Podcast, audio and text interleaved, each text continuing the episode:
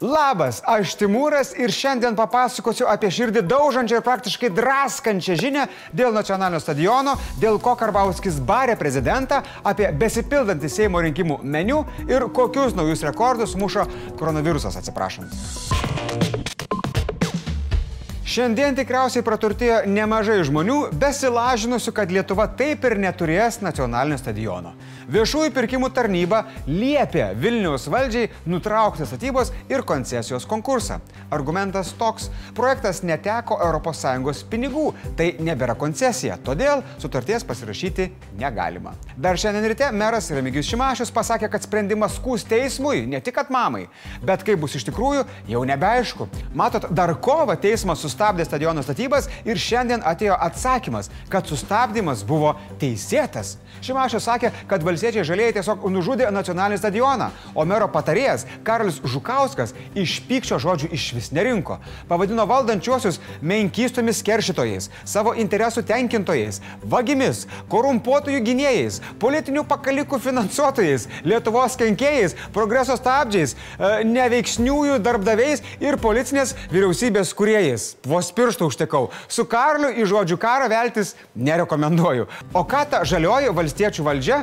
A nieko. Štai Saulis Skvernelis pasakė, kad reikia sprendimų ir... Pavesti švietimo, mokslo ir sporto ministerijai, matyt kartu su futbolo federacija, padaryti šitą projektą valstybės investicinių projektų ir pastatyti Vilniuje futbolo stadioną. Jeigu nesugeba to padaryti savivaldybė. Žodžiu, projektą reikia perimti vyriausybei ir stadioną statyti kartu su Šviniaus vadovaujama futbolo federacija. Avot, ko tikriausiai trūko projekto skaidrumui, tai tikrai Šviniaus skaidrumo. Nu, mm, mm, wow. Prezidentas Seimui pametėjo idėjų, kaip padėti žmonėms išgyventi krizę ir daugiau vartot. Jei Seimas pritars, po 200 eurų gaus nepasiturinčių ar gausių šeimų ir neįgalus vaikai. Visiems kitiems nepilnamečiams būtų išmokėta po 120 eurikų. Čia vartojimui skatinti. Dar prezidentas pasiūlė iki metų pabaigos sumažinti gyventojų paimų mokestį. Tai sukritikavo ekonomistas Nerijus Mačiulis, kuris mano, kad tai būtų ne nauda, o nereikalingas popierizmas. Na ir dar pasiūlyta padidinti neapmokestinamąjį pajamų dydį 50 eurų. Čia jūs galite sakyti, e, bet tai kad jau tai buvo suplanuota. Taip, tai tiesa, bet prezidentas siūlo nieko nelaukti ir didinti dar šiemet, o ne kitą metą. Ir kai jau prezidentas mane, kad va taip, va pavarė, čia priejo nekindziulis Ramūnas Karbauskis ir aukščiausiam valstybės pareigūnui tiesiai šviesiai pasakė. Pasiūlymai geri, bet kad man čia būtų paskutinis kartas, kai viskas taip skubiai. Niu, niu, niu. Kaip sliekai pavasarį ant asfalto, taip į dienos šviesą lenda, resgantis minti būti seimūnais. Šiandien apie tai, kad savarankiškai bandys eiti į Seimą, pranešė buvusi prezidentės patarėja Daiva Ulbinaitė. Facebook'e ji parašė, kad kandidatuos Dzukijoje, kur bandys sutelkti visus šviesuolius, kad ir kiek ten jų bebūtų likę. O štai Sotsdemai paskelbė savo vienmandatininkų sąrašą. Pats partijos pirmininkas Gintotas Paluckas kandidatuos Utenoje. Jis aiškina, kad taip tikisi pritraukti valstybės dėmesį į šį regioną, aš sakau, kad taip didina šansus laimėti. Nes Vilniuje per praėjusius rinkimus jam sekėsi, nu, ne kaip, čia jau neminint nelaimėto miesto mero posto. Su gintotu į Seimą norinčių sąrašas dar nepilnas, bet jau Margas, žinokit, va taip noris daryti. Pasižiūrėkim. Etikos bei žydų ekspertas politologas, kelias partijas pakeitusi mergica, buvęs kandidatas į prezidentus ir e, po nemalonaus įvykio su alkoholiu, jį metęs Seimo narys, aišku, bus ir socdemų gretinėlė, Algirdas Sysas, Rasa Budbergytė, Julius Sabatauskas, o Algimantas... Samalakit, samakakinu. Nu, žodžiu, šitas žada prisijungti į partijos sąrašą, bet vienmandatėse, nu jau nekovoti. Mirga margas sąrašėlis, bet štai jums loginė užduotis. Vaikučiai, kur nuotraukoje yra Bronius Bradauskas? Hmm? Hmm?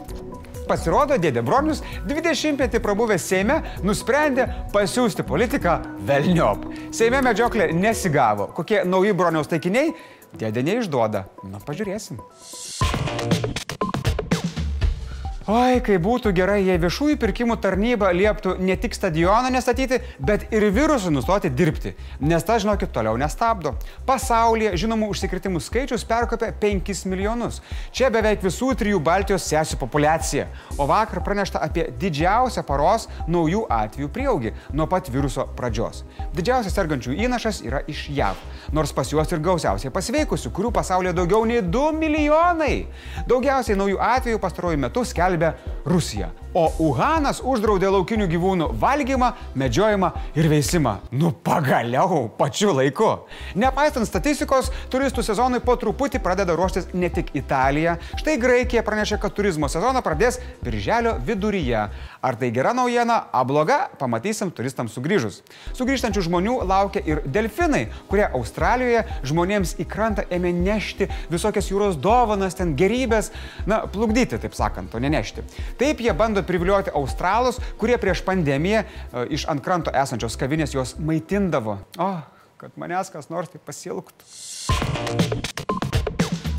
Blitz naujienos. Dėl galimo kišininkavimo sulaikytas Kelmės rajono meras Sotsdemas Vaslavas Andrulis paleistas į laisvę, bet pusmečiui nušalintas nuo pareigų.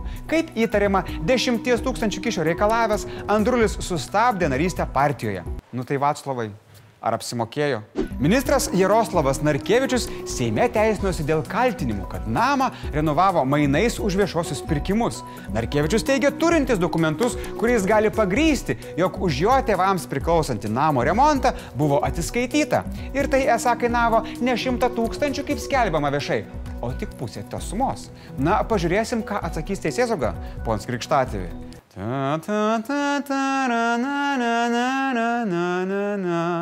Per parą Lietuvoje nustatyta 16 naujų koronaviruso atvejų. Užsikrėtė ne tik ligoninių medikai ir pacientai, bet ir apsaugos darbuotojas, tolimųjų reisų vairuotojas bei moksleiviai.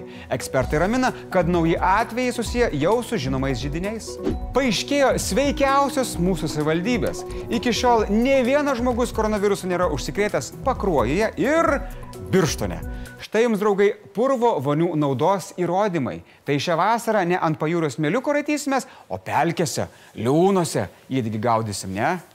Per Indijoje ir Bangladeše siaučiantį cikloną jau žuvo 84 žmonės.